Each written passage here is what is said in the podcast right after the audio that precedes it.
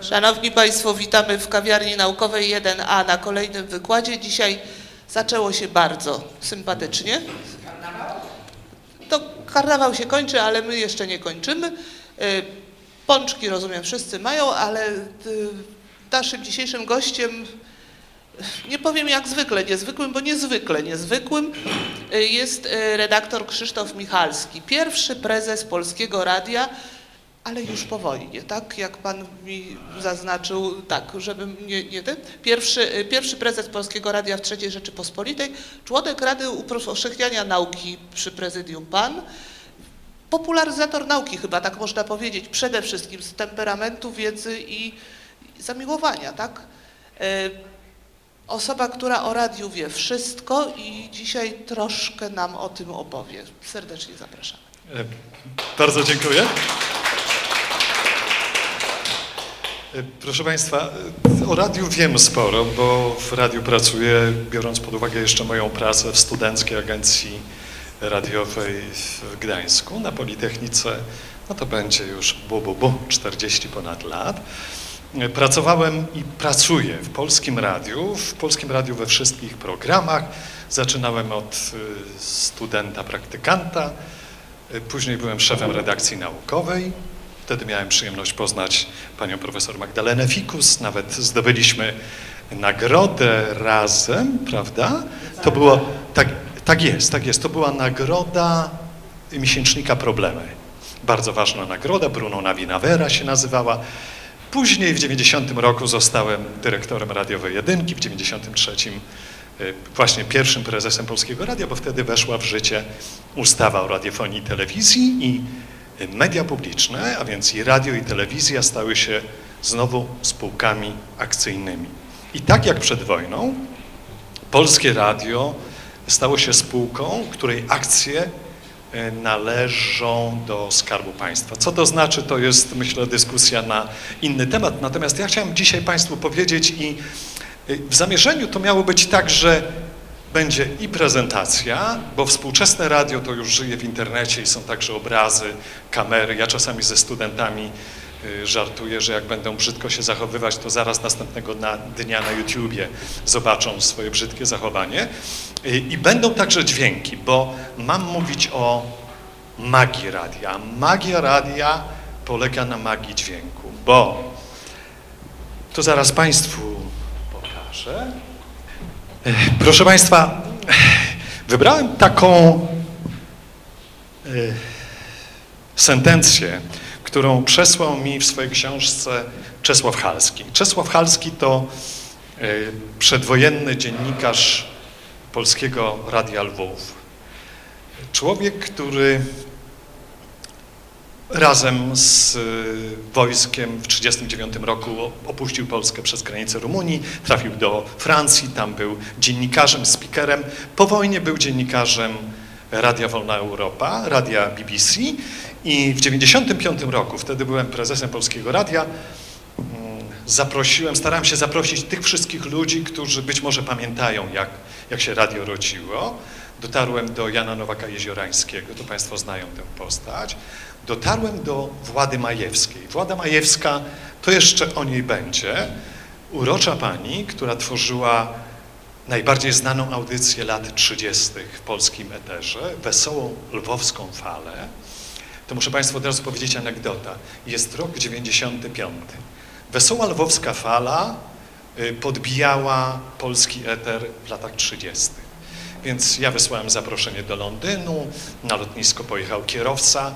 No ja sobie wyobrażałem, tak sobie dodałem lata, no bo skoro była już po studiach w latach 30., no dodałem sobie tych lat y, 60, no to wyszło mi tam ładnych parę lat.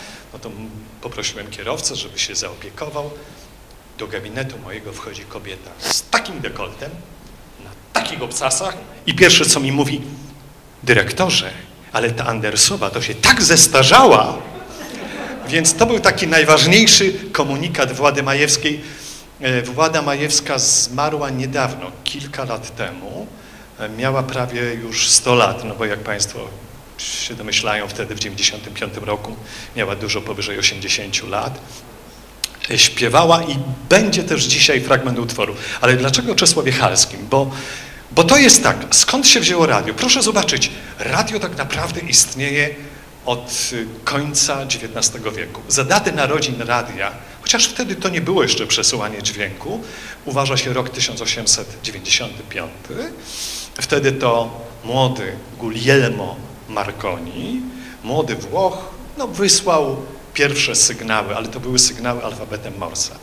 Natomiast tak naprawdę ludzie od dawna, czyli od tysięcy lat, marzyli, żeby można było przesyłać głos na odległość.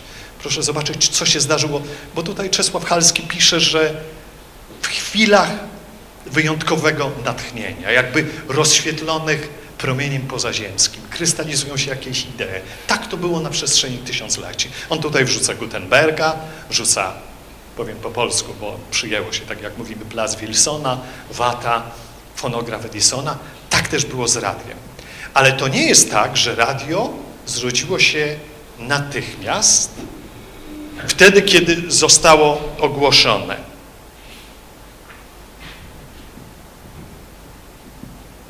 Ja dla uproszczenia pewnego podałem tutaj trzy nazwiska, ale XVIII, XIX wiek to są badania naukowe, to jest rewolucja w nauce.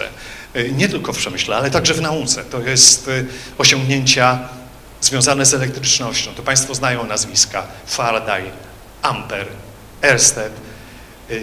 Dla mnie najważniejszy przy narodzinach telegrafu bez drutu, bo o to początkowo uczonym chodziło. Ja nie wiem, czy Państwo y, czasami oglądali westerny. Na westernach czasami jest tak, że y, jakiś bandyta popełnia zbrodnię, ucieka na koniu, no i teraz tam na jednej stacji starają się telegrafem zawiadomić następną stację, że bandyta ucieka. Albo na koniu, albo pociągiem jedzie. No a bandyta sprytny przecina drut i informacja o tym, że bandyta uciekł, nie dociera do nikogo. Prawda? No więc co uczeni inżynierowie pomyśleli? Że przydałby się telegraf bez drutu. I teraz, co się dzieje pod koniec, pod koniec XIX wieku? Ja podzieliłem to na takie trzy sfery funkcjonowania. Dzisiaj pani profesor Fikus na pewno by to nazwała badaniami podstawowymi, zastosowaniami i aplikacją. Więc najpierw idea.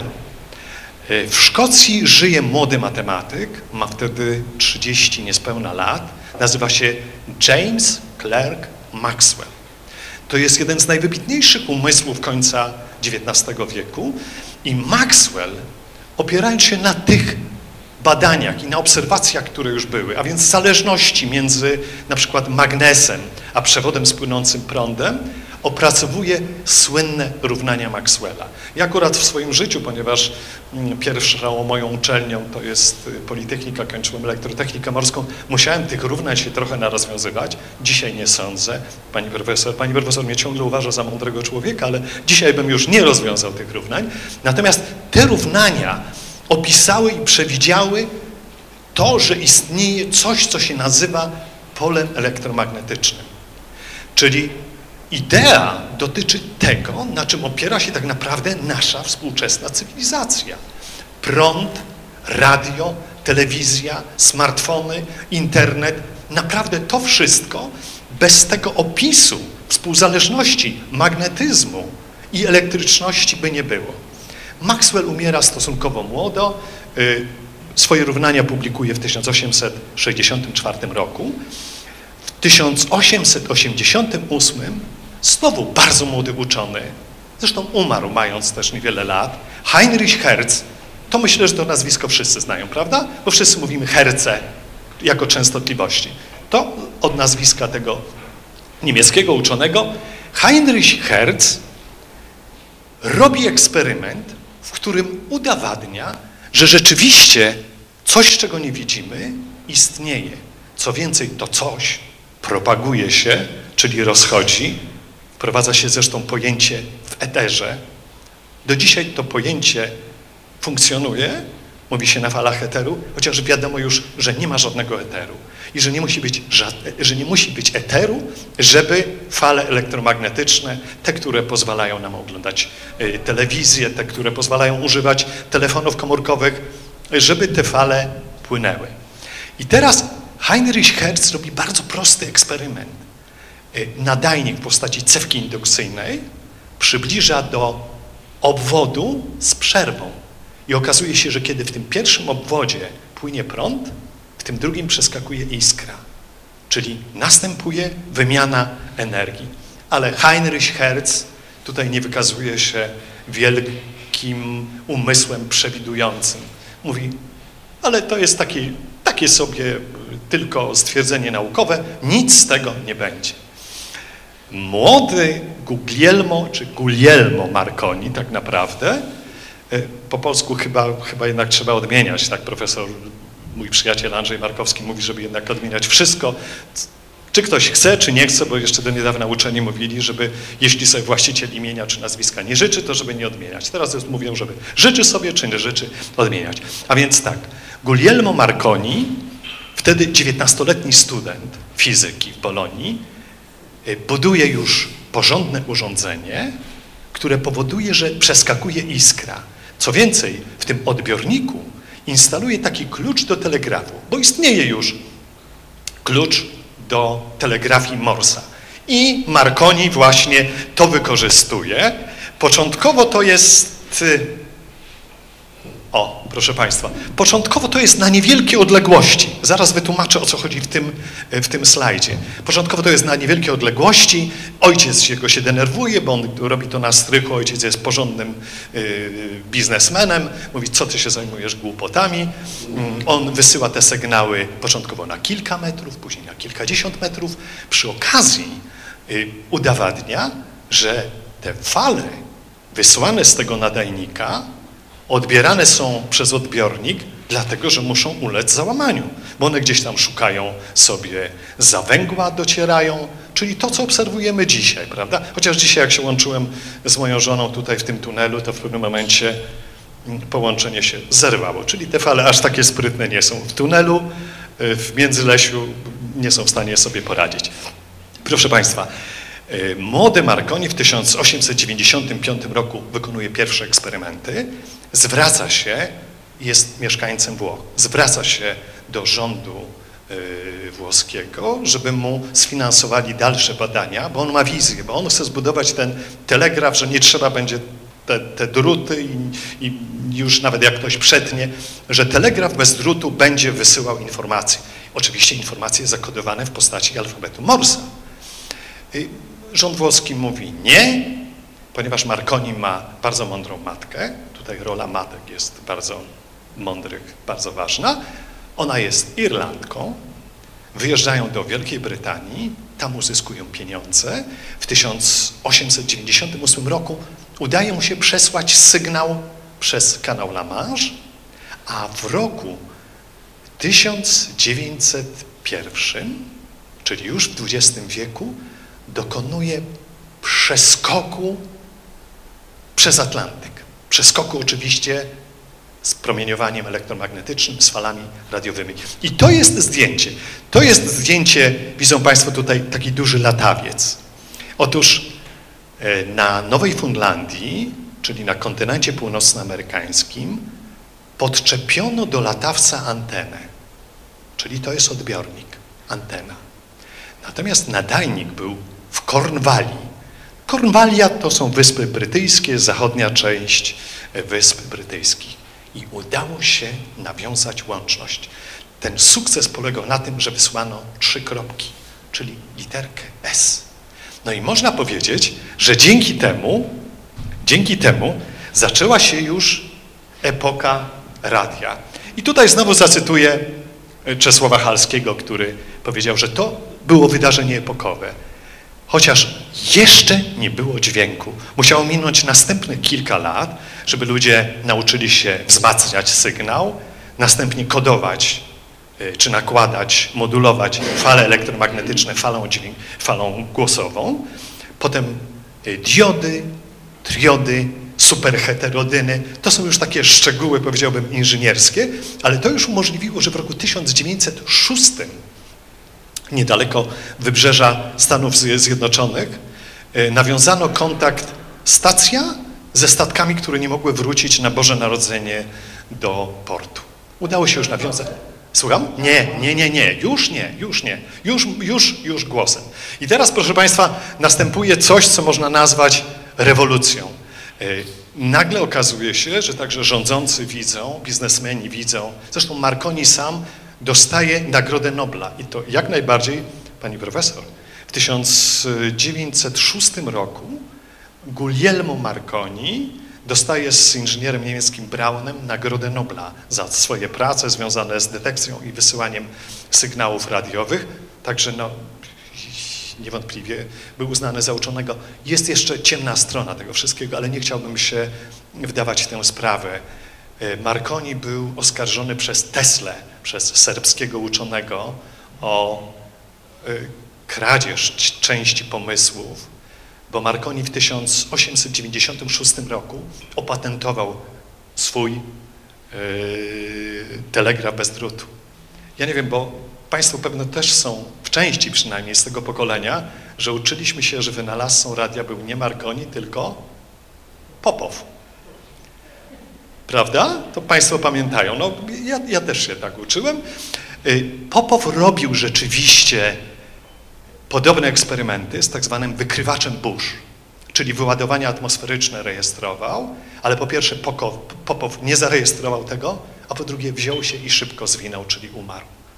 A Marconi miał także żyłkę biznesmena, założył potężne przedsiębiorstwo Marconi, które weszło na rynek amerykański. Wkrótce, to można tak powiedzieć, wkrótce i tę datę uznaje się za datę narodzin e, radiofonii takiej docierającej już do słuchaczy powszechnie. W 1920 roku uruchamiana jest pierwsza stacja w Pittsburghu w Stanach Zjednoczonych. Do Europy dociera to kilkanaście miesięcy. Później tak naprawdę to, to zależy, czy się uważa, że sygnał próbny, czy sygnał stały. W 1922 roku oczywiście Wielka Brytania, Dania, Francja, Związek Sowiecki, Niemcy i te państwa uruchamiają już stałą emisję programów radiowych. Ja sobie przygotowałem tutaj nawet taki fragment książki Hals, Halskiego, ale to już nie będę czytał, ponieważ tak, po pierwsze za dużo czasu nie ma, a po drugie to chciałem Państwu powiedzieć, że tak, no radio to jest magia, magia dźwięku. Ja miałem pod te slajdy podkładać dźwięki, ale jeśli Państwo pozwolą, to zrobię tak, że szybko zrobimy tę prezentację, a potem puszczę Państwu, uważam, kilka bardzo ciekawych dźwięków. Część z tych dźwięków Państwo zapewne znają, ale te dźwięki ułożone są w pewien, pewien scenariusz, pewien schemat, który mam nadzieję, że pokaże także moje intencje. Teraz skąd się radio w Polsce wzięło? No Państwo wiedzą, obchodzimy w tym roku stulecie, stulecie niepodległości. Do tego czasu tak naprawdę do czasu odzyskania niepodległości no Polska nie mogła prowadzić samodzielnych badań, ale byli inżynierowie, którzy kształcili się zarówno w Rosji, jak i w Niemczech. I teraz y, ogromną rolę odgrywa wojsko w promocji tego, co się nazywa radiofonią, bo trzeba nawiązać łączność, bo e, na Cytadeli od razu po zakończeniu I wojny światowej żołnierze przejmują, ale to są wszystko jeszcze y, urządzenia do nadawania w systemie Morsa, nie, nie dźwięku. E, pojawiają się w Polsce firmy, które produkują sprzęt. Nie mamy jeszcze stacji radiowej, ale pojawiają się już polskie, e, polskie firmy, które produkują zarówno radioodbiorniki, e, wzmacniacze, diody, heterodyny itd., tak itd. Tak Takie najbardziej znane to jest właśnie Farad. Tutaj wymieniam nazwisko Romana Rudniewskiego, bo on się za chwilę pojawi jako bardzo istotna postać. Władysław Heller, Radiopol, czyli dwie firmy polskie, Oczywiście jest duża presja środowiska inżynierskiego i naukowego, nie tylko na Politechnice Lwowskiej i Warszawskiej, ale także prężne stowarzyszenia e, inżynierskie, e, stowarzyszenia techników polskich naciskają na rząd, żeby wreszcie e, ktoś się zajął profesjonalnie radiem, bo inni już nam uciekają. No i teraz tak. E, Z tamtych dwóch firm, które wymieniłem, Farad i Radiopol, powstaje Polskie Towarzystwo Radiotechniczne. Polskie Towarzystwo Radiotechniczne, dlaczego jest takie ważne, za chwilę się wyjaśni. Z tym, że to Polskie Towarzystwo Radiotechniczne zaczęło przegrywać konkurencję z wielkimi koncernami zachodnimi. Skąd to znamy, prawda? Ale zarówno Roman Rudniewski, jak i Władysław Heller postanowili część kapitału sprzedać i Polskie Towarzystwo Radiotechniczne staje się kapitałem mieszanym. W jednej trzeciej jest to kapitał polski, w jednej trzeciej kapitał francuski, w jednej trzeciej kapitał angielski. I teraz y, rząd pod wpływem nacisków w 1924 roku uchwala ustawę o, rad, o to się nazywało nawet dosłownie, broadcastingu, czyli słowo przeniesione, y, no my dzisiaj byśmy powiedzieli o, radiofonii, prawda? Ale wtedy takie słowo jeszcze nie istniało. Uchwala ustawę. Na mocy tej ustawy rozpisuje się konkurs na nadawanie programu ogólnopolskiego na 20 lat. I teraz w tym konkursie startuje 10 podmiotów. Mnie udało się, ja jestem, znaczy w pewnym sensie mogę powiedzieć, uczniem profesora Macieja Kwiatkowskiego. Muszę Państwu powiedzieć, profesor Maciej Józef Kwiatkowski był to najwybitniejszy historyk radia. E, Oprócz tego znałem go współpracując z nim i kiedy zostałem prezesem radia, Maciej Kwiatkowski, nie pytając, czy może do mnie wejść, czy nie może wejść, sforsował sekretarkę, wchodzi do mnie i mówi, Krzysiu, ale ilu to ja już prezesów przeżyłem. Niestety, kilka dni później zawał serca i Maciej Kwiatkowski nie żyje. Ja zresztą jako dowód wdzięczności to po pierwsze w takim albumie, który tu przy sobie mam, być może też później Państwu go pokażę, e, ten album zadedykowałem, a poza tym takie największe studio w głównym gmachu Polskiego Radia nazwałem studiem e, profesora Kwiatkowskiego. I teraz co się dzieje? Dziesięć podmiotów startuje w konkursie. Wszyscy naciskają, żeby ten konkurs jak najprędzej się rozstrzygnął. I teraz skąd my znamy ten mechanizm? Konkurs nie jest rozstrzygnięty, a 1 lutego 25 roku próbną emisję rozpoczyna Polskie Towarzystwo Radiotechniczne. Korzystając oczywiście ze sprzętu angielskiego, ze współpracy inżynierów francuskich, którzy już to mają opanowane, rozpoczyna- rozpoczynają stałą emisją programów w 20, to był 25 rok, y, bardzo małą mocą. Ja tu zaraz Państwu pokażę. O, to jest budynek Polskiego Towarzystwa Radiotechnicznego, Mokotów, Narbuta 29. To wówczas było poza Warszawą. W ogóle to e, było tak, że żeby dojechać na tę 18, to niektórzy się oczywiście spóźniali, no więc po prostu była cisza w radiu. Poza tym tak, wisiał jeden mikrofon, który ważył kilka kilogramów. E, Mikrofon w hamaku. W hamaku, żeby, bo być może jeśli Państwo kiedykolwiek byli w radiu, to jest tak, że radio- radiowcy ostrzegają, jeśli mikrofon stoi na stole, żeby nie uderzać w stół, nie kopać w nogi, nie kichać, nie pluć i tak dalej, i tak dalej. Wtedy też ostrzegano. Co więcej, proszę Państwa, ponieważ nie wszyscy wiedzieli, jak się zachować przed mikrofonem, y, powstał wtedy bardzo piękny zapis. I bardzo przepraszam Panie, jeśli on będzie lekko seksistowski, chociaż w moim odczuciu nie jest. Więc ten zapis, zapis brzmi następująco. Mikrofon jest bezwzględny, należy doń mówić jak do kobiety, a więc delikatnie, ja, ja w domu mam same kobiety, nawet psa mam sunie, proszę Państwa, także ja wiem, jak to trzeba. Raczej modelując głos piano, aniżeli nastawiając na wysokie tony. I to jest prawda, która ciągle powinna być dostarczana ludziom, którzy występują przed mikrofonami. Nie tylko w radiu, nie tylko w mediach, ale jak patrzę na niektórych nieszczęsnych polityków, jak nie mają dobrze ustawionych głosów. Głosów, ja sam głos ich mi denerwuje, nawet nie słucham, co mają do powiedzenia, bo Platon mawiał, że forma i treść są tak samo warte. Proszę Państwa, i teraz tak, Polskie Towarzystwo Radiotechniczne nadaje swoje programy, a tymczasem od 1 lutego z przerwami, z kłopotami, są problemy. Oblicza się, że w tym czasie w okolicach Warszawy było 5 tysięcy abonentów, odbiorców. A wiedzą Państwo, ile, ilu już abonentów było na przykład w Wielkiej Brytanii? Milion dziewięćset. A u nas 5 tysięcy. Proszę zobaczyć, zaledwie 3 lata różnicy. Ile udało się, ile udało się, u Niemców było milion sto tysięcy, z tego co pamiętam. Z tych mniejszych krajów, które zaczęły przed nami, no to Dania, ale Dania jest małym krajem, 23 tysiące. No a my musimy zaczynać od zera. I teraz tak, 18 y, sierpnia 1925 roku rząd ogłasza, kto wygrał konkurs. I konkurs nie wygrywa Polskie Towarzystwo Radiotechniczne, które ma ekipę, ma sprzęt, ma nadajnik, ma inżynierów.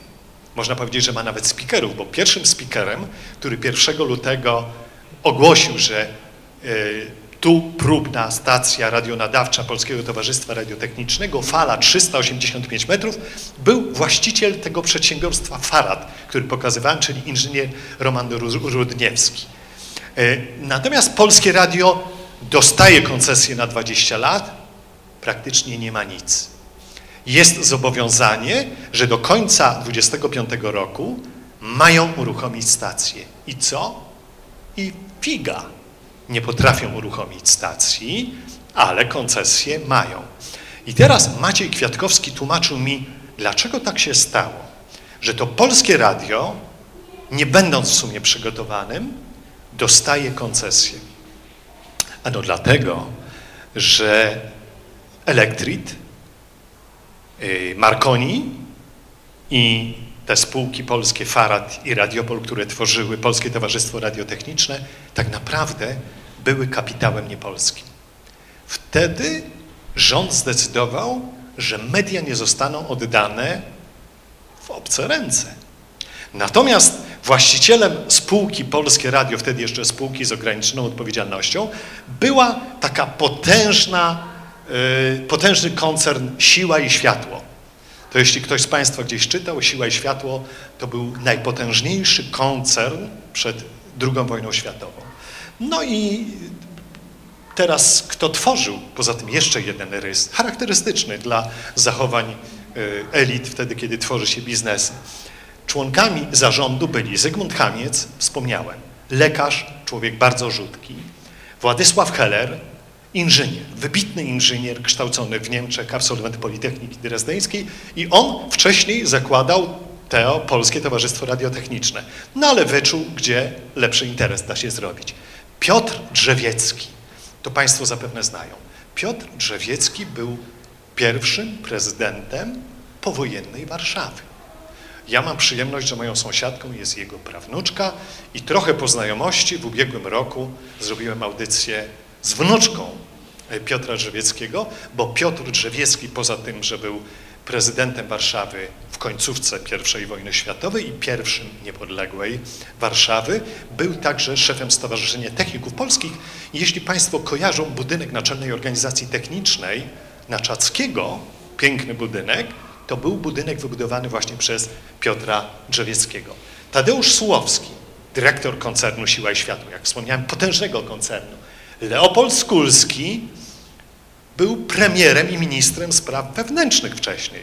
W trzecim rządzie Rzeczpospolitej, pierwszy rząd, ja nie liczę rządu lubelskiego, daszyńskiego, rząd Jędrzeja Moraczewskiego, drugi rząd to był rząd Ignacego Paderewskiego, a trzeci rząd to był właśnie rząd Leopolda Skulskiego. Czyli wiadomo było, że to także da umocowanie polityczne, biorąc pod uwagę, że jeszcze był ministrem spraw wewnętrznych, prawda?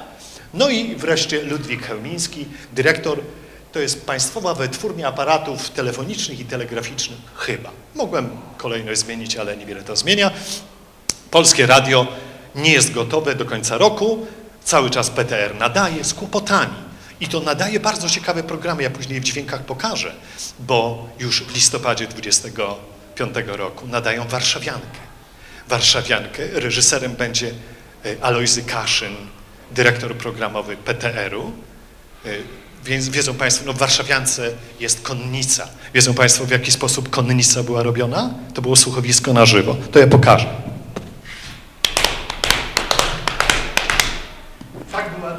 Były robione konie. A no nie mam przy sobie żadnej szczotki, szczotki już nie potrzebuję od dawna. O, to taki żart. E, jeśli chodzi o przemarsz piechoty, to z kolei było pocieranie twardego włosa szczotek. I to Alojzy Kaszyn opowiadał, że w ten sposób robiono warszawiankę. Ale wtedy już zaczęły się, pani profesor, pierwsze audycje edukacyjne. E, wspaniałym popularyzatorem historii okazał się profesor Henryk Mościcki. Tutaj zaraz, a, jeszcze to słowa Halo, Halo Warszawa, Polskie Radio, y, dopiero 18 kwietnia 26 roku, czyli jednak Polskiemu Radiu potrzeba było ładnych parę miesięcy na przygotowanie. Przygotowanie było bardzo proste. Przejęli stację nadawczą na Narbuta Polskiego Towarzystwa Radiotechnicznego, przejęli inżynierów, natomiast ze speakerami już nie. Pierwszą speakerką Polskiego Radia była piękna Janina Sztąpkówna. Gdzieś zdjęcie jej mam, ale to moż, można znaleźć sobie. I Polskie Radio rozpoczyna emisję już stałych programów właśnie o godzinie 17, 8, 18 sierpnia. To jest Zygmunt Hamiec. Mogę powiedzieć, że no, w pewnym sensie mój poprzednik, chociaż czasami właśnie on był dyrektorem e, generalnym Polskiego Radia i czasami jak tam ktoś mówi, że e, ja, że byłem pierwszym prezesem Polskiego Radia, przy okazji studentom opowiadam, że radio powstało w 1925 roku, to jedna ze studentek mówi, to nieźle się pan trzyma, proszę pana. No więc potwierdziłem. Zygmunt Kamiec, proszę państwa, jest dyrektorem, dyrektorem Polskiego Radia do 1935 roku. Później w dźwiękach, które tutaj rozumiem Pan Jarek mi pomoże jeszcze odtworzyć, pokażę Państwu również coś charakterystycznego i dla naszych czasów. E, Zygmunt Kamiec w 1935 roku zostaje odwołany. Jego następcą zostaje brat Stefana Starzyńskiego, Roman Starzyński. Roman Starzyński i Roman Starzyński będzie dyrektorem Polskiego Radia do 1939 roku zachowywał się bardzo przyzwoicie, ale o, teraz tak, Polskie Radio ma pewne zobowiązania, y, ma y, zwiększyć moc, y, ma budować rozgłośnie regionalne i oczywiście to się dzieje w coraz większym tempie. Już na początku 27 roku okazuje się, że ten nadajnik z Narbuta jest za mały i uruchamia się stację nadawczą, to są forty, to jest Fort Mokotowski. Dwa maszty, te maszty nie były aż takie wysokie, miały po 75 metrów, w odległości 140 metrów.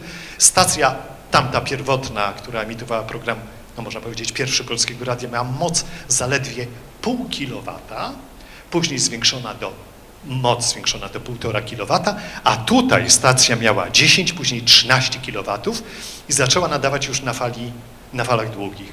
I słyszana była, to wtedy nie było tak trudne, bo nie było zakłóceń, nie było tylu stacji.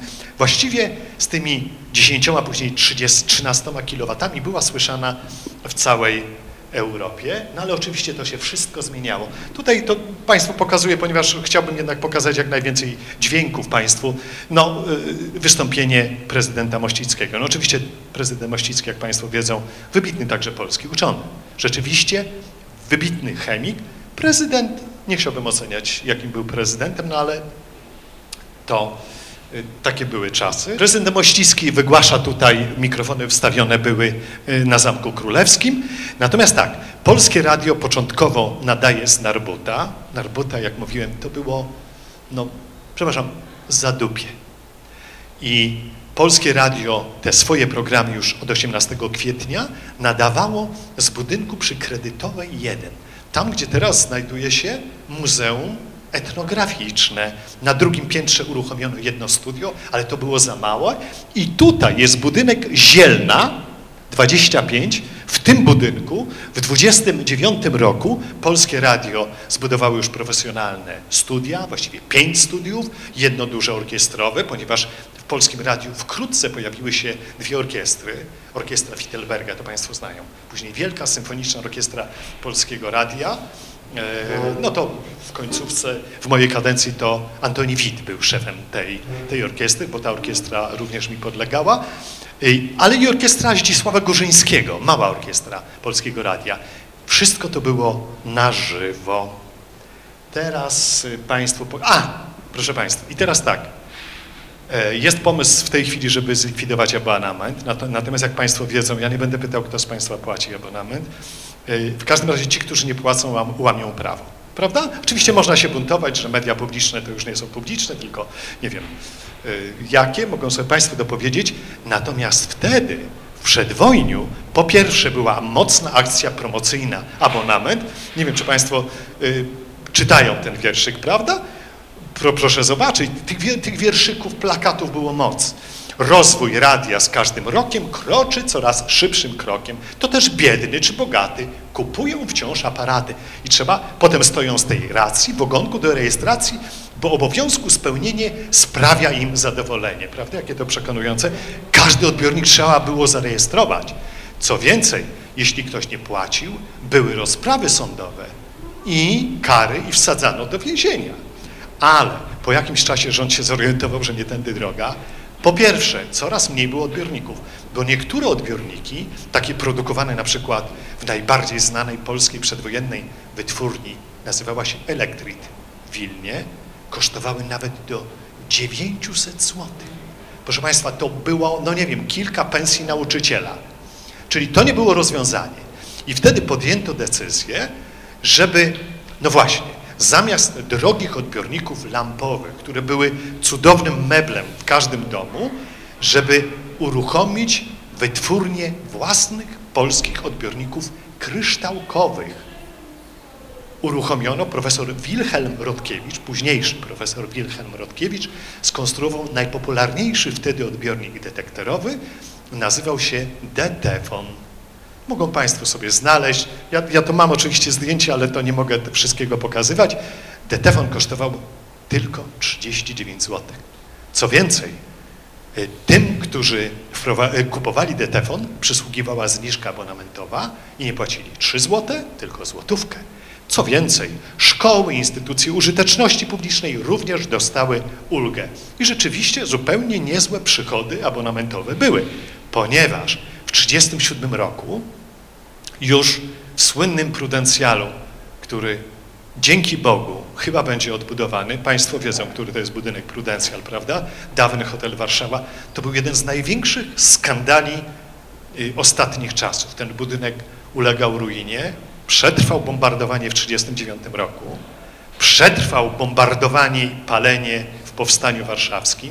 Ja nie wiem, czy Państwo wiedzą, to był w swoim czasie pierwszy, a potem drugi najwyższy budynek w Warszawie i w, w Warszawie, w Europie, zaprojektowany przez profesora Stefana Bryły, który notabene został rozstrzelany przez Niemców w tym miejscu, gdzie dawne kino Moskwa było. To teraz tam jest Go- Róg Goworka i, i Puławskiej. E, Profesor Stefan Bryła, notabene jeden e, z najwybitniejszych uczonych od tak zwanych, od tak zwanych konstrukcji spawanych. Ale to teraz wracamy do y, abonamentu. Abonament pozwalał się Polskiemu Radiu zupełnie nieźle utrzymywać. No i- No i w związku z czym rozwijała się działalność oświatowa. Tu można powiedzieć, że to jest y, w pewnym sensie też mój poprzednik, ponieważ ja w pewnym momencie byłem najpierw szefem redakcji popularyzacji wiedzy, a później byłem redaktorem naczelnym redakcji popularyzacji wiedzy i edukacji w Polskim Radiu. I to jest wspomniany przeze mnie Henryk Mościcki, który doprowadził, znaczy organizacyjnie tam się niektórzy czepiali, ale miał tyle, profesor Janusz Tazbir, również historyk, powiedział mi, że Henryk Mościcki był kiepskim historykiem. Ale jak ktoś z tej samej profesji mówi o kimś, że jest kiepski, to, to trzeba to podzielić przez dwa, przez trzy, przez pięć. No, w każdym środowisku jest konkurencja. Świętej pamięci profesor Tazbir no pewno nie musiał konkurować z Henrykiem Mościckim, no ale jednak tak uważał.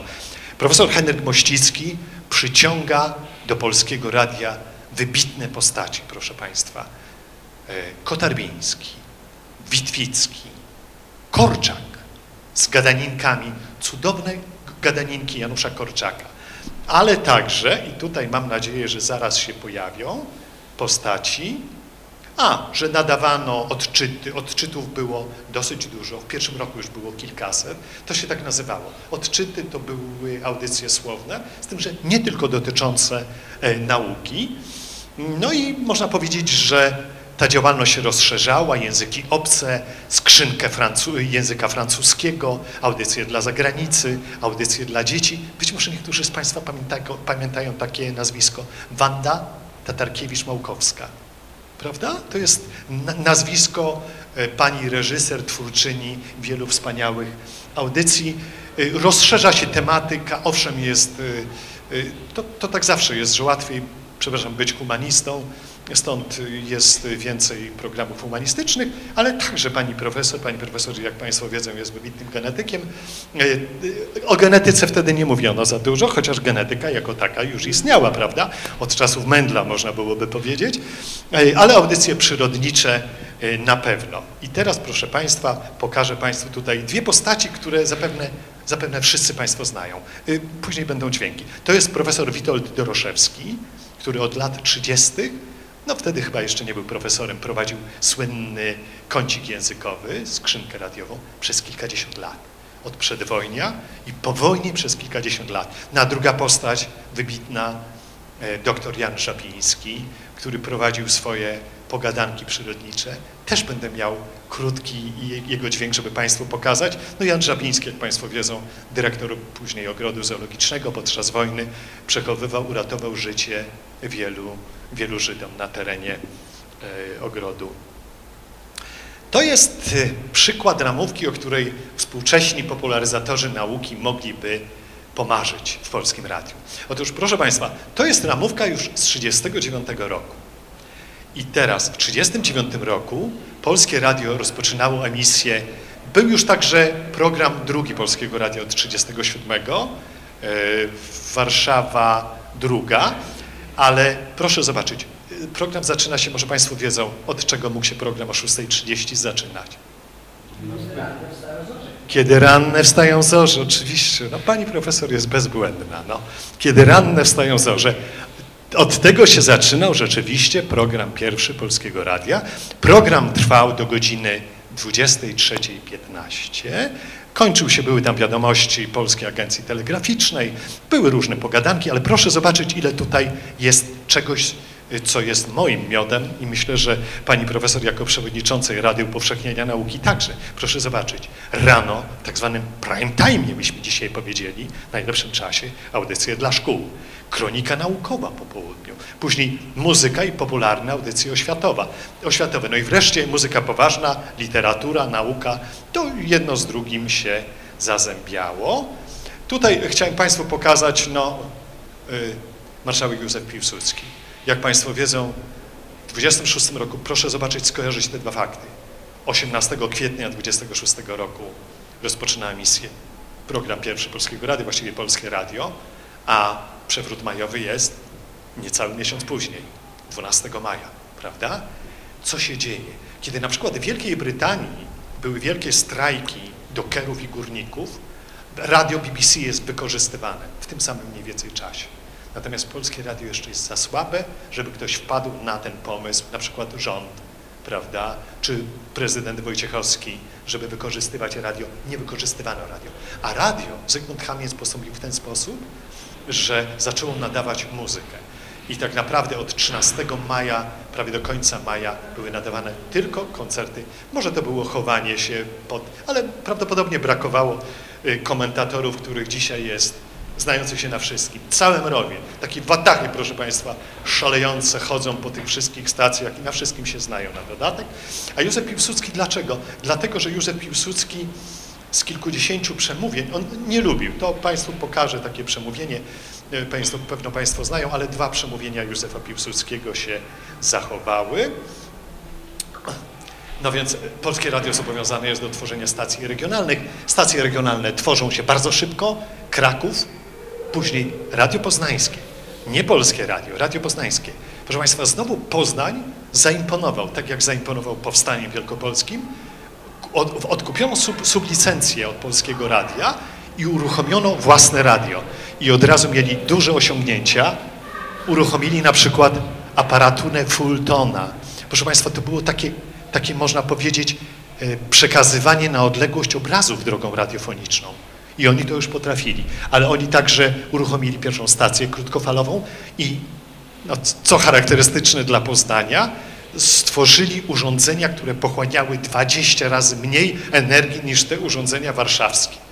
I to jest, proszę Państwa, podejście, podejście poznańskie. Radio Poznańskie jako niezależna spółka działało do 35 chyba roku. W 35 roku Polskie Radio wykupiło nie tylko wszystkie akcje Polskiego Radia, znaczy państwo, ale także wykupiło akcje w Radiu Poznańskim. Y, Następnie Katowice, tu jest ta słynna francuska skrzynka Katowic, nadajnik dużej mocy.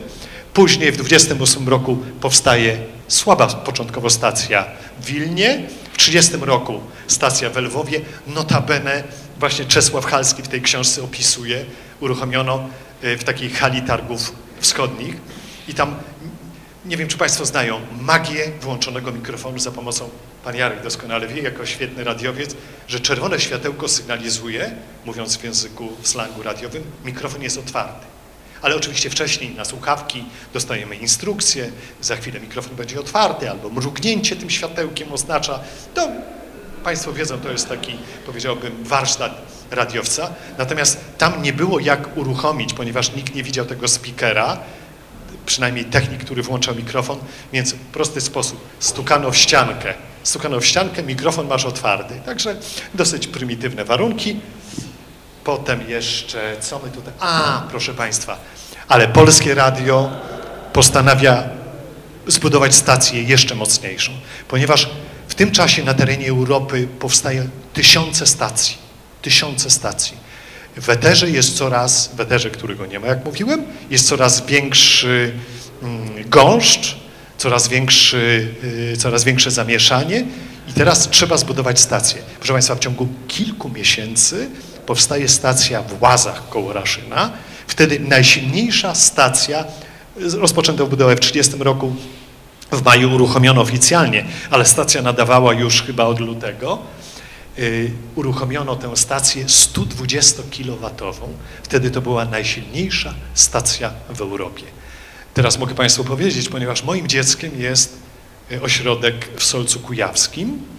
E, Kiedy byłem dyrektorem radiowej jedynki Runą Maszt Konstantynowie koło Gombina, niestety nie udało mi się odbudować, mimo że pan premier mi- mi- mnie mianował nawet, niech pani profesor posłucha, jakim ważnym człowiekiem byłem, szefem zespołu międzyresortowego, czyli podlegali mi ministrowie z kilku resortów. Oczywiście na nic to się nie zdało. E, Maszt w Konstantynowie koło najwyższa konstrukcja świata, 646 metrów, nie została odbudowana. Właścicielami tego była telekomunikacja, czyli de, de facto państwo. I dlaczego? To jest oddzielny, e, oddzielny właściwie wykład, e, co, co się wtedy w Polsce działo. Natomiast ja postanowiłem budować, wybudować własną stację i w Solcu Kujawskim przekonałem mieszkańców, rozbroiłem teren prawie własnymi rękoma. No, oczywiście żartuję, saperzy z Włocławka, bo to było na terenie bombowiska, tam znaleziono kilka tysięcy niewypałów i ten y, obiekt w Solcu Kujawskim ma 10 razy większą moc, 1200 kW i nie jest najsilniejszą stacją w Europie. I teraz tak, chciałem zakończyć również e, takim moim ulubionym, kiedy była dyskusja, czy e, stawiać na radio, czy nie, to znowu z Czesława Halskiego. I to często powtarzam, że radio jest wielką rzeczą, rzeczą, odkryciem doniosłym. Kto temu zaprzecza, faktycznie jest osłem. I to jest również wierszyk przedwojenny. Proszę Państwa, przygotowałem y, dźwięków sporo, a to może, Panie Jarku, pomoże mi Pan? To jak Pan będzie szybko, szybko to robił, pomożecie, pomożemy. No. No dobrze, E, proszę Państwa, to, tak, to, to, to cudowne. Ja ja nie tak dawno też z, taką, z takim pytaniem pomożecie, pomożemy. Jak Państwo wiedzą, to, właśnie, bo to y, premier Jaroszewicz najpierw wtedy ze stoczniowcami, to przeszło jako pytanie Gierka, ale tak naprawdę pi- pierwsze pytanie sformułował Piotr Jaroszewicz do, do stoczniowców. E, Znaczy tam były jakieś głosy, były, były, były, tak, tak, tak, tak. No dobrze, to Alojzy Kaszyn. Proszę Państwa, Alojzy Kaszyn to ten, który stukając i on opowiada o tym, jakie było, e, uda się? Dobrze, tylko jeszcze tam. Dobrze.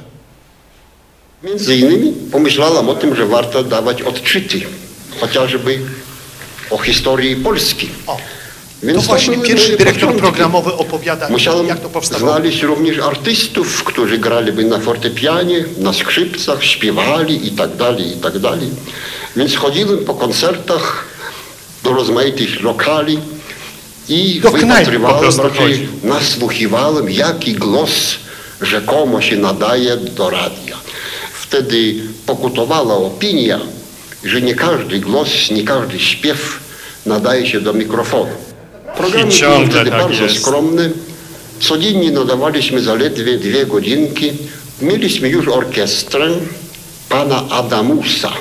Pan Adamus była zaczął pierwsza występować w radio przed na mikrofonem PTR-u. Między innymi pomyślałam o tym, że warto dawać odczyty, chociażby o historii Polski. Więc to były moje początki.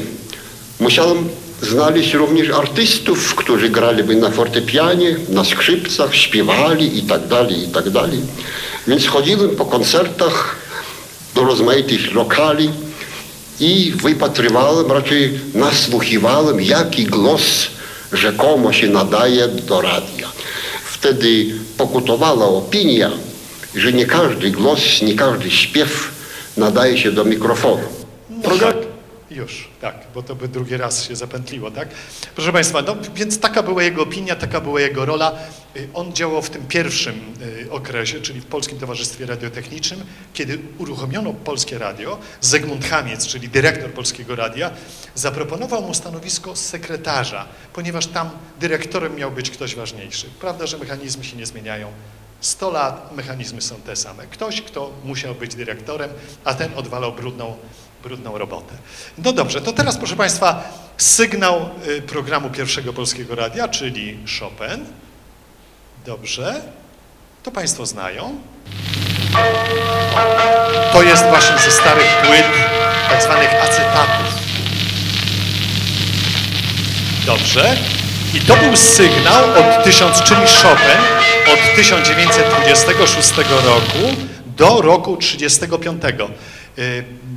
Panie Jarku, to teraz jeśli można, można, y, no nie, to le, lećmy po kolei. Chcą Państwo Doroszewskiego posłuchać chwilę?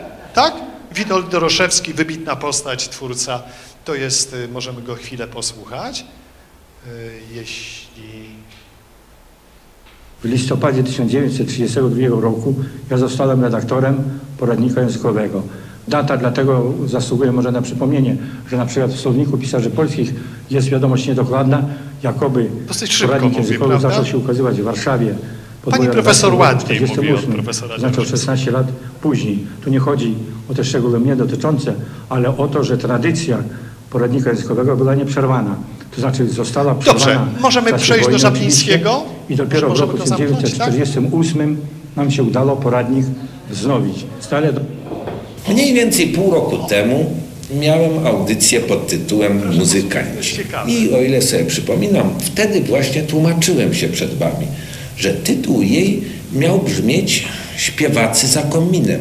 Tylko, że na szczęście wczas zorientowałem się w tym, o czym i Wy dobrze już teraz wiecie, że świerszcze, będące bohaterami owej audycji, wydają głosy przez starcie skrzydeł o siebie.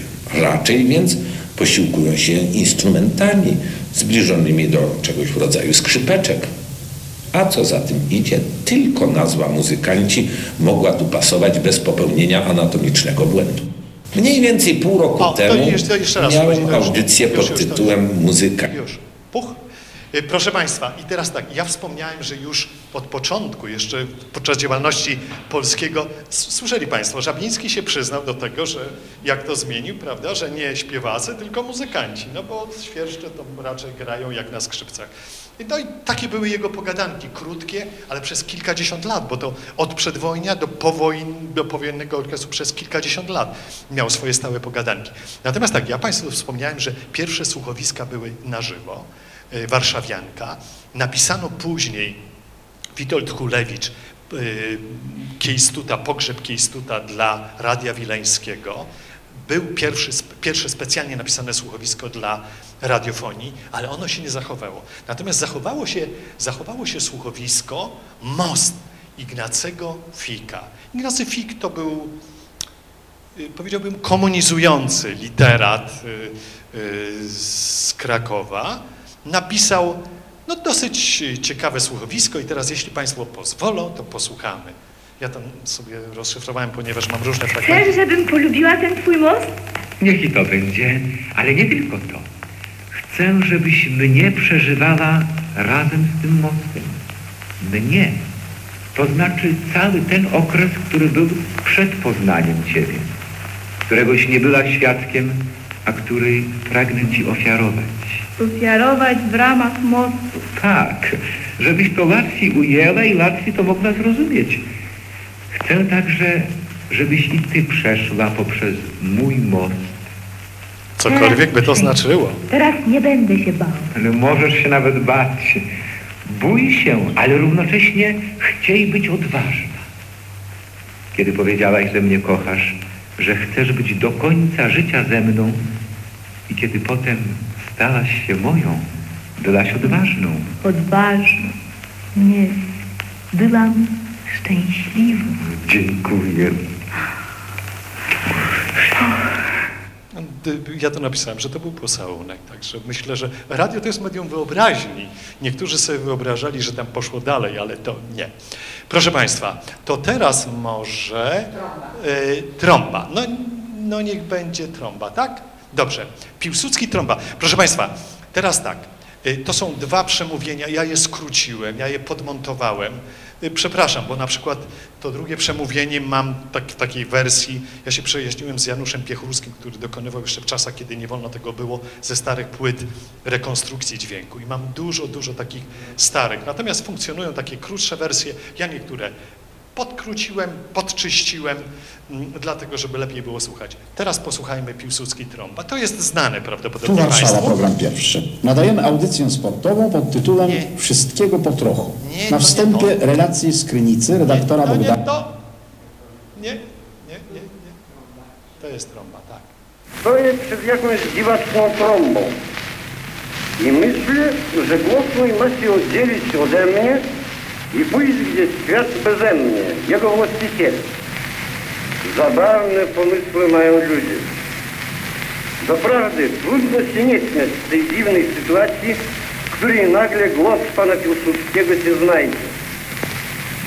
Wyobrażam sobie tą zabawną chwilę, gdy jakiś ananas korbą nakręci, słupkę naciśnie i jakaś trąba zamiast mnie gadać zacznie. Pusty śmiech mnie bierze, że ten biedny mój głos ode mnie oddzielony przestał nagle być moją własnością i należy już nie wiem do kogo i nie wiem do czego, do trąby czy do jakiegoś akcyjnego towarzystwa. Najzabawniejsza jest jednak myśl, że kiedy mnie już nie będzie, głos pana Piłsudskiego sprzedawanym będzie za trzy grosze. Gdzieś na jarmarkach. Prawie na funty jak pierniki, prawie jak cukierki. Proszę Państwa, Piłsudski, jak widzą Państwo, z dużym sceptycyzmem podchodził do nowoczesnej techniki. No on był z tego pokolenia, pokolenia ludzi, którzy y, wierzyli w pewne idee takie romantyczne, jak Państwo wiedzą, bardzo y, no, y, podnosił znaczenie wszystkich, którzy brali udział w powstaniu styczniowym i tak dalej, i tak dalej. Natomiast zaskoczył Piłsudski, to nie jest powszechnie znane, ja natomiast przeprowadziłem, można powiedzieć, swoje prywatne badania. Piłsudski na początku lat 30. z jego inicjatywy na Uniwersytecie Stefana Batorego w Wilnie został utworzony Polski Instytut Badań Mózgu. Do Wilna z Krakowa profesor Maksymilian Roze się przyniósł. Nie, nie wiedziano o co chodzi. No owszem, badać mózg, a jakże. W tym czasie była taka moda, nie tylko w Europie, że różni wielcy ludzie po, po śmierci oddawali, swój, znaczy przekazywali swój mózg do badań.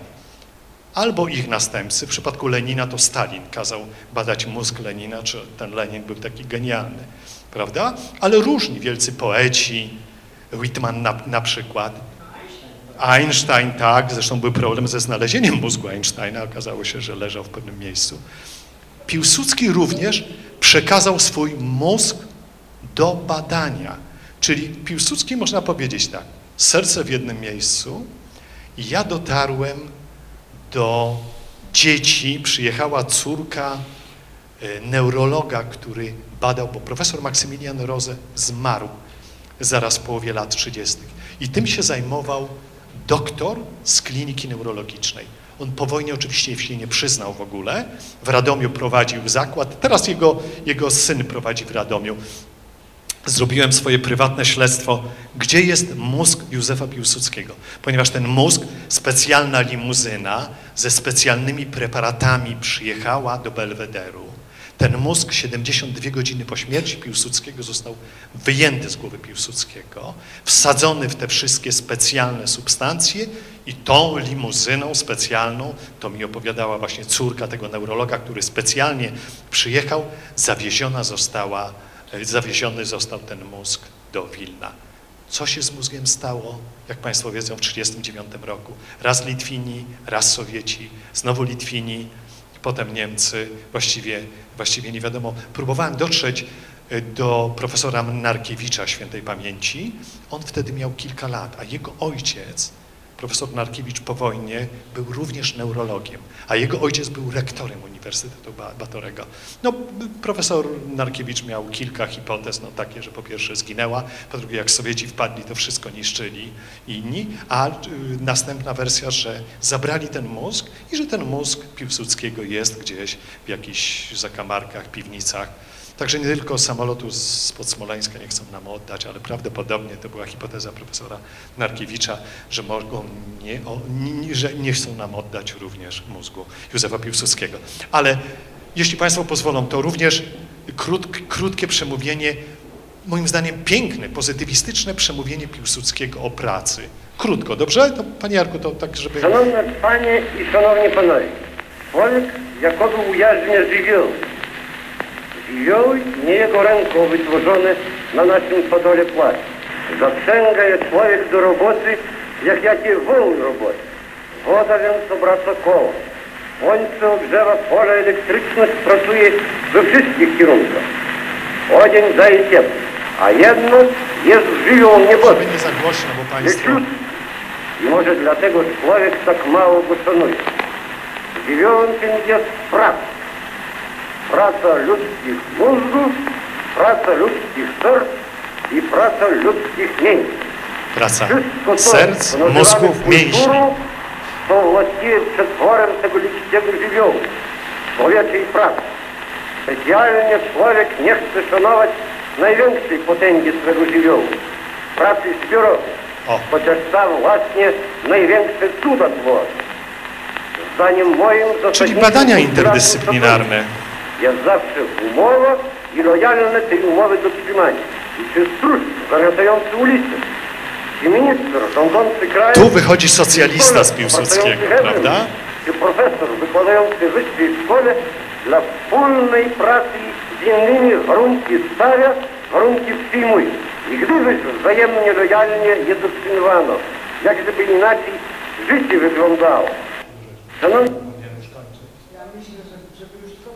Dobrze, dobrze. Proszę Państwa, więc teraz tak, ja może, y, bo, bo to rzeczywiście no, nie sądziłem, że się tak rozgadam, ale z radiowcami tak jest. Bardzo przepraszam. Proszę Państwa, to co? Możemy, bo tak, y, jeśli Państwo pozwolą, to może ja mówiłem, że takim przebojem lat 30. była Wesoła Lwowska Fala. Ja tutaj mam dwa fragmenty. Y, Piosenki Hulaj Dusza to nie, ale może kariera pana frajera, bo to po, tym, po tej audycji zawieszono Wesołą Lwowską Falę. Tak, Polskie Radio Lwów i wszystkie rozgłośnie polskie. Nadajemy czwartą audycję Tajoj pod tytułem Kariera pana frajera pióra Wiktora Budzyńskiego.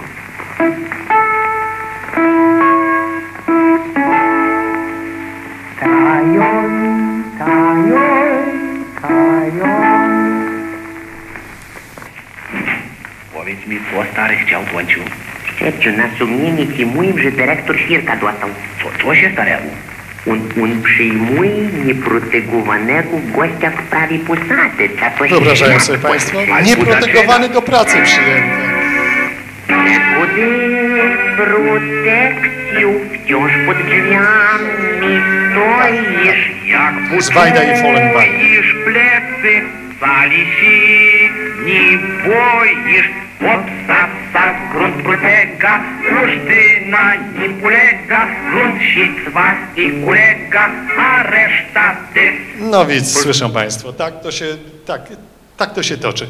I oni, to, to jest audycja znacznie szersza, bo to była czwarta audycja, za jakiś czas była zawieszona. Chciano zdjąć dyrektora stacji Lwów, e, wstawiła się za nim załoga, no i jakoś udało się to tam rozładować. Po jakimś czasie wróciła audycja pod innym tytułem i tak dalej, i tak dalej. Znaczy, moje ulubione jeszcze może Wilno, Wilno Żwirko, to Państwo znają dobrze, ale to możemy posłuchać, bo to jest, to, to ma także taki wymiar dramatyczny. Dobrze? O, to jest sygnał stacji wileńskiej. Halo, Polskie Radio Wilno. Halo, Polskie Radio Wilno. Halo, halo, Polskie Radio Wilno. Przerywamy transmisję z Warszawy i za chwilę oddamy głos zwycięzcy rajdu europejskiego porucznikowi Franciszkowi Żwirko, którego powita dyrektor Witold Hulewicz. W tej chwili stanął przed naszym wileńskim mikrofonem ten, którego nazwano najzupełniej słusznie najlepszym lotnikiem Europy. Zwycięzca międzynarodowego rajdu tegorocznego porucznik Franciszek Żwirko. Mamy w tej chwili szczęście powitać naszego bohatera przez tworzy w towarzystwie jednego z konstruktorów zwycięskiej polskiej maszyny, inżyniera Wigury, studio wileńskiej radiostacji. Porucznik Żwirko, który jest z urodzenia wilnianinem, przemówi za chwilę do Was, słuchacze.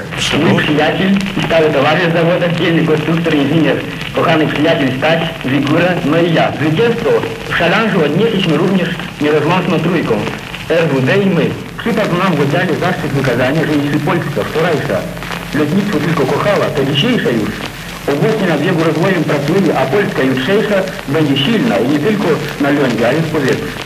Proszę Państwa, y, znaczy ja, ja powiem o tym dramatyzmie, bo jak Państwo wiedzą, budowaliśmy rzeczywiście Rzeczpospolitą drugą z peryferiów trzech państw zaborczych. To wystarczy popatrzeć, jak były połączenia y, kolejowe wtedy. W ogóle niekompatybilne, zupełnie inne systemy.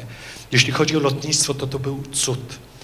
Y, Młodzi absolwenci Politechnik, warszawskiej głównie, ale także lwowskiej, zbudowali dosłownie w ciągu paru lat potężny przemysł lotniczy. Oczywiście niektórzy z nich źle skończyli, bo Zygmunt Puławski, który opracował słynny polski płat i myśliwce PZL-1, zginął w wieku 31 lat, oblatując amfibię. Natomiast tutaj Żwirko i Wigura, Wigura mając 20 jeszcze podczas studiów, 24 lata, 25, stworzył z kolegami firmę. Najpierw jest tylko y, z Rogalskim, RWD, Rogalski Wigura Drzewiecki. Powstały najlepsze samoloty sportowe. W 1932 roku odbywają się te międzynarodowe zawody Challenge z metą w Berlinie.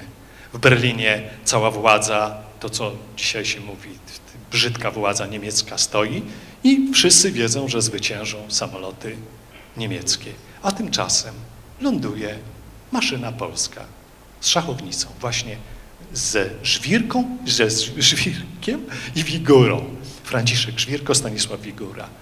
Y, zawody skończyły się 28 sierpnia. To nagranie musi pochodzić no, z początku września. 11 września obaj, jadąc na pokaz do Pragi czeskiej, zginęli rozbili się i zginęli. Ale to nie był koniec RWD. RWD bił rekord świata, na przykład w przelocie do, do Brazylii, Skarżyński, Bajan w 1934 roku wygrywał też te zawody. Y, samolot sprzedawany to, to niebywałe. Wtedy najwyższa technika, kilkaset sztuk sprzedano za granicę. Co by tu jeszcze wybrać? Aha, proszę Państwa, trzynastka, bo ja mówiłem, że od 26 roku sygnałem Polskiego Radia był Chopin. A co było y, w 1935 roku? No, może pan puści.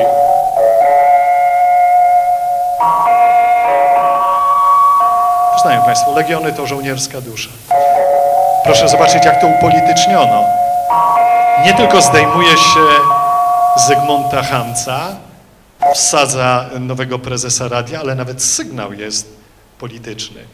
E, co by tu jeszcze Państwu pokazać? Pierwszy, Beka? Tak? Bardzo proszę. To jest, to jest transmisja do Stanów Zjednoczonych do Stanów Zjednoczonych, Ameryki Północnej, to prze, słynne przemówienie Becka, no ono jest, znaczy tutaj jest kilka takich naprawdę emocjonalnych wystąpień, także jeśli Państwo pozwolą, no Pani Katarzyna nie wygoni mnie, to jeszcze, tak, to, to, to, to Panie Jarku, no to puśćmy Becka. Pokój jest rzeczą cenną i pożądaną. Nasza generacja, bawiona w wojnach, na pewno na okres pokoju zasługuje. Ale pokój, jak prawie wszystkie sprawy tego świata, ma swoją cenę. Wysoką, ale wymierną. My w Polsce nie znamy pojęcia pokoju za wszelką cenę. Reakcja Sejmu. I to było transmitowane do Stanów. Jest jedna tylko rzecz w życiu ludzi, narodów i państw, która jest bezcenna. Tą rzeczą jest honor.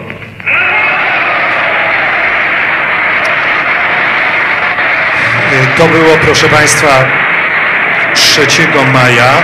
Natomiast już może, może Pan to zamknąć, Panie Jarku. Proszę Państwa, teraz tak. Wszyscy wiedzą już, koniec sierpnia, notabene rozpoczęta jest budowa nowego budynku Polskiego Radia przy zbiegu Batorego i Puławskiej. Ja nawet jako prezes chciałem odzyskać tę działkę, która to się nazywa teraz Plac Unii Lubelskiej. Nie, nie, nie udało się. Ale w każdym razie y, 1 września wszyscy już wiedzą, że wybuchnie wojna. I teraz tak, ja Państwu pokażę, bo to jest jednocześnie taki element warsztatu radiowego. Panie Jarku, tak 1 września Państwo to znają, ale ja, ja pokażę Państwu, na czym polegała tutaj sztuka. Proszę to. Halo, halo, tu Warszawa i wszystkie rozgłośnie Polskiego Radia. Dziś rano o godzinie 5 minut 40 oddziały niemieckie przekroczyły granicę polską, łamiąc pakt o nieagresji. Bombardowano szereg miast. Za chwilę usłyszą Państwo komunikat specjalny. A więc wojna. Z dniem dzisiejszym wszelkie sprawy i zagadnienia schodzą na plan dalszy. Całe nasze życie publiczne i prywatne przestawiamy na specjalne tory. Weszliśmy w okres wojny. Cały wysiłek narodu musi iść w jednym kierunku. Wszyscy jesteśmy żołnierzami. Musimy myśleć tylko o jednym. Walka aż do zwycięstwa. Proszę Państwa, tu były dwa głosy. Pierwsza część to na żywo. Zbigniew Świętochowski, słynny speaker, ja znam jego syna Krzysztofa Świętochowskiego. Zbigniew Świętochowski czyta, że wojska niemieckie, nat natomiast później ta druga część, a więc wojna, była nagrana na płycie trzy dni wcześniej przez Józefa Małgorzewskiego, przedwojennego również i powojennego speakera i reportera. Już, czyli ta druga część nie była na żywo. Była nagrana i czekała sobie na wypadek wojny. I ten Józef Małgorzewski, który, a więc wojna i tak dalej, na żywo nadaje 3 września sprzed ambasady brytyjskiej. Państwo wiedzą, co się działo 3 września. Najpierw Brytyjczycy, a później Francuzi wypowiedzieli Niemcom wojnę. Proszę zobaczyć, bo to pokazuje, jakie są emocje. W tej chwili cały zebrany wielotysięczny tłum już dwa palce w górę, wyciągają do ostatniej kropli krwi, walczyć będą. Na balkonie ambasady się członkowie ambasady angielskiej. Powiewają rękami, chusteczkami. Uśmiechają się do zebranych tłumów. Pozdrawiają bratki naród polski. I bratki naród polski pozdrawia swoich sojuszników i przyjaciół Anglików. Niech żyje Anglicy, niech żyje Wielka Brytania. Połączeni zwyciężymy wroga. Zwyciężymy! To Józef Małgorzewski, ten sam. E, Ja później miałem jeszcze takie... Dobrze, to proszę Państwa, dramatyczne może Starzyński z 11 września, dobrze? To już było chyba drugie czy trzecie przemówienie, bo Starzyński, bo wojska niemieckie, jak Państwo wiedzą, bardzo szybko dotarły do Warszawy. Jak docierały 7 września, podjęto decyzję o wysadzeniu stacji w Raszynie. I wtedy y, emitowała Warszawa druga, czyli te y, dwa maszty z fortu Mokotowskiego przejęły na siebie ciężar emisji y, Polskiego Radia. No i tu jest głos Szpilmana, ale nie będziemy puszczać Szpilmana, czyli Państwo wiedzą, pianisty. To się zaczyna tam scena właśnie, Szpilman opowiada, ale to już Szpilmana nie będę puszczał. Natomiast Starzyński myślę, że, że również to, jeśli mówimy o magii radia, to możemy, to możemy puścić 11 września. Obywatele, przepraszam za spóźnienie, ale obowiązki chwili dzisiejszej nie pozwalają mi być punktualnym w radio. Ale za to wszystko, co nowego życie nasze nam daje, to przede wszystkim ciągłe powiększanie świadomości siły ludu warszawskiego. Co chwila tysiące faktów, tysiące zjawisk, które umacniają wiarę nieśmiertelne, niezniszczalne siły ludu polskiego. Obywatele, przecież wczoraj pod mury Warszawy dostał się czołg niemiecki, nieostrzelany w ogóle i tu u granic miasta zestrzelony przy pomocy kogo? Przy pomocy kobiet polskich. To jest siła narodowa. To jest siła ludu. Dzisiaj w Warszawie każdy ma moc ducha, moc ducha wytrwania, moc siły, która potrafi każdemu przetrwać na stanowisku i ułatwić wojsku zwycięstwo. Bo siła i duch naszej armii, o której wczoraj tutaj dawałem wzruszające przykłady, jak kompanie żołnierzy bijących się zbierają składki i oddają swój żołd na biedne dzieci Warszawy, na lot, na fon, na walkę. Przejdźmy koło kościołów, zobaczmy, jak mimo bomb i mimo strzałów lud wierzący modły do Boga zanosi, a jednocześnie karnością i dyscypliną swoją daje dowód pełnego obywatelskiego zrozumienia i pełnego obywatelskiego obowiązku swojego. E, Proszę Państwa, jak Państwo wiedzą, Starzyński później został zamordowany. Natomiast ja jeszcze wobec tego proponuję trzy.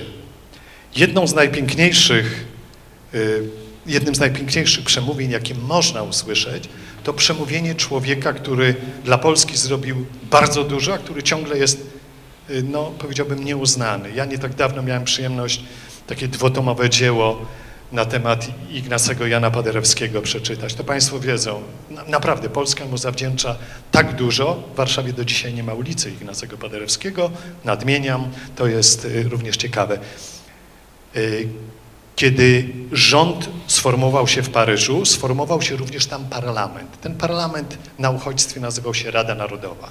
Szefem rządu został, jak Państwo wiedzą, y, generał Sikorski, a szefem Rady Narodowej został Ignacy Paderewski, który znowu postanowił, no miał już wtedy powyżej 70, 70 parę lat i to jest przemówienie, które wygłosił na inauguracyjne posiedzenie właśnie w styczniu 40 roku, to było w ambasadzie polskiej w Paryżu. Do Was się zwracam, bracia moi ukochani, poprzez linię okopów, poprzez kraj naszych wrogów, do Was podąża mój głos, przynosząc Wam niezłomną wiarę w nasze siły, wiarę w niezruszalność naszych świętych praw do polskiej ziemi, wiarę w ostateczne zwycięstwo. Nie zdusi tego głosu przemoc barbarzyńskiego ciemiężcy, bo głos ten żyje w duszy każdego z Was. Ta wiara głęboka w Boga i w Polsce daje Wam siły do przetrwania okresu niewoli i da Wam doczekać chwili ostatecznego, wspólnego naszego triumfu. Wierzcie nadal, bracia moi ukochani, umęczeni. Wierzcie. Pomnij na wszystkie krzywdę doznaną. Pamiętnij niezliczonych zbrodni popełnionych z liście pogańskim okrucieństwem na niewinnym ciele szlachetnego, rycerskiego narodu. Nie zginie Polska, nie zginie, lecz żyć będzie po wieki wieków w potędze i chwale dla Was, dla nas i dla całej ludzkości. Jak Państwo wiedzą, parę miesięcy później Ignacy Paderewski już, już nie żył. Natomiast ja chciałem Państwu jeszcze pokazać, to już tak na zakończenie, no, mogę powiedzieć, no, znaczy, że się przyjaźniłem, ale w każdym razie bardzo dobrze znałem Bogdana Tomaszewskiego, który odszedł niedawno, jeden z najwybitniejszych czarodziejów y, mikrofonu. Ja miałem mu przyjemność wręczyć w 1995 roku diamentowy mikrofon. E, I Przeciwległa prosta, ostatnia, 4 metry wciąż jest. Rosjanin ucieka, Krzysio naprzód idzie, dochodzi 2 metry, zrównał się, wychodzi naprzód, o metr, proszę Państwa, przechodzą płot, ale sytuacja jeszcze nie jest pewna. Metr jest przed Rosjaninem, 2 metry, 3, finisz, ten sam co w dole, finisz, naprzód Krzyś, Krzyszkowiak, płot, wodą. Pierwszy przeszedł 120 metrów do taśmy. Naprzód pierwszy będzie złoty medal w dziejach lekkiej atletyki po wojnie. Kusy i Krzyś, ci dwaj. Ostatnia prosta, finisz, już jest 20 metrów. Proszę Państwa, hurra, jest złoty medal, choć bieg nieskończony. 30, 20 parę metrów przed Rosjaninem. Krzyszkowiak pierwszy przerwał taśmę i za parę minut będziemy słyszeć wreszcie nasz hymn. Tak, Ścisław Krzyszkowiak, jak Państwo słyszą, tutaj również jest, ale nie będziemy tego puszczać, e, to na 3000 metrów z przeszkodami. Igrzyska Olimpijskie w Rzymie 1960 rok. Tutaj są również wypowiedzi Haliny Konopackiej, która zdobyła piękna, smukła dyskobolka, wtedy bardzo wysoka, liczyła 181 centymetrów i zdobyła pierwszy złoty medal dla Polski w ogóle. Kobieta znowu. Złoty medal olimpijski w rzucie dyskiem. Jakby Państwo zobaczyli zdjęcie, to jak się popatrzy na dzisiejsze dyskobolki, to zupełnie. Wydawałoby się wiotka, naprawdę, wiotka szczupła pani, zresztą w takim ciekawym berecie, berecie chodziła.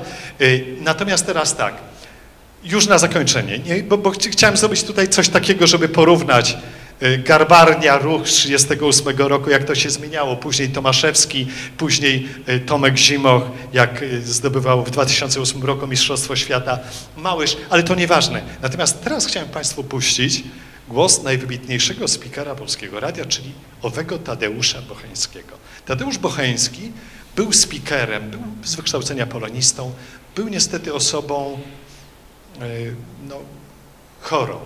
Chodził o dwóch laskach, był garbaty, ale tyle ofert matrymonialnych, ile miał, to przypomina mi się, co mi moja babcia powiedziała, kiedy już powiedziałem, jak po skończeniu jednych i drugich studiów, powiedziałem, babcią, no ale chyba będę pracował w radiu. Babcia mówi, i dobrze, bo ty masz urodę radiową.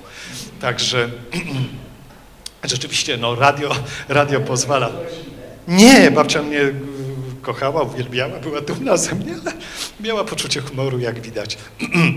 Proszę Państwa, teraz chciałem Państwu puszczyć, puścić coś takiego, co się zdarza każdemu z nas w radiu. Ja w swoim życiu zrobiłem kilka tysięcy audycji. E, Szczerze mówiąc, y, wpadek dużo nie miałem, ponieważ ja się przygotowuję zawsze tak, w myśl tego, czego nauczył mnie profesor Kwiatkowski, jak się przygotowujesz do wywiadu, to się przygotowuj tak, jakby to z tobą miano zrobić, a nie ty miałbyś zrobić z kimś. To oczywiście to jest mordercza robota, bo na przykład jak trafiam na wybitnego genetyka, to staram się na przykład policzyć, ile tam jest tych nuk- nukleotydów, co, jak, kiedy, kiedy genom. I proszę Państwa, od razu lasuje mi się mózg, budzę się o drugiej w nocy i cały czas mózg pracuje. No ale potem dzięki temu robi się e, w miarę porządna audycja. Natomiast Tadeusz Bocheński miał tutaj swego rodzaju wpadkę. Wpadkę, którą można nazwać tak zwaną głupawką. To już jest nagranie powojenne. On, jak mówię, pracował od 25 roku w radiofonii. Y, Zmarł w 68 roku chyba. To jest początek lat 60. chyba, bo to jest y, mistrzostwa w saneczkarstwie w Krynicy chyba w 62 roku. Proszę posłuchać i zobaczą Państwo y, no, właśnie taką głupawkę spikerską. Tu Warszawa, program pierwszy. Nadajemy audycję sportową pod tytułem Wszystkiego po trochu. Na wstępie relacji z Krynicy redaktora Bogdana Tuszyńskiego. A więc mamy już pierwszych mistrzów świata, donosi redaktor Bogdan Tuszyński, w saneczkach. Są nimi Nachman i Strillinger, Niemiecka Republika Federalna, którzy zdobyli tytuł w dwójkach. Para ta uzyskała w dwóch ślizgach łączny czas 2 minuty 36,8 Przepraszamy Państwa za ten trochę niefortunny początek audycji sportowej, tym niemniej wiadomości są niezwykle ciekawe. A więc rzeczywiście redaktor Bogdan Tuszyński donosi z Krynicy, co następuje. A więc mamy już pierwszych mistrzów świata w saneczkach.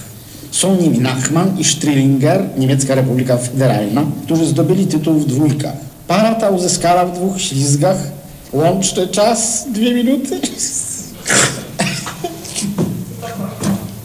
Kolego Gasparski, co o nas sobie słuchacze w tej chwili pomyślą, żeby się tak śmieli? Więc, proszę Państwa, już teraz na pewno pójdzie bardzo gładko wszystko.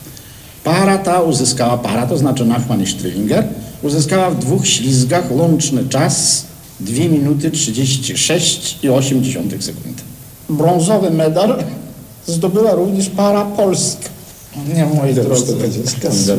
Tak, i, no i, i to rzeczywiście poszło. I proszę Państwa, mistrz miał już Nie 40 było w tym nawet specjalnie prawie lat pracy przed Ale mikrofonem. napad Mistrz śmiechu mistrzów. speakera spowodował kilkakrotne wyłączenie mikrofonu, oczywiście przeprosiny z mojej strony i niespodziewaną reakcję ze strony słuchaczy. Prosili o więcej takich wesołych audycji. Widzą Państwo, także nie wiadomo, co może być ocenione. E, Proszę Państwa, nie będę już, przepraszam, bo zdaje się, że przewaliłem czas i tutaj pała, pała będzie uruchomiona.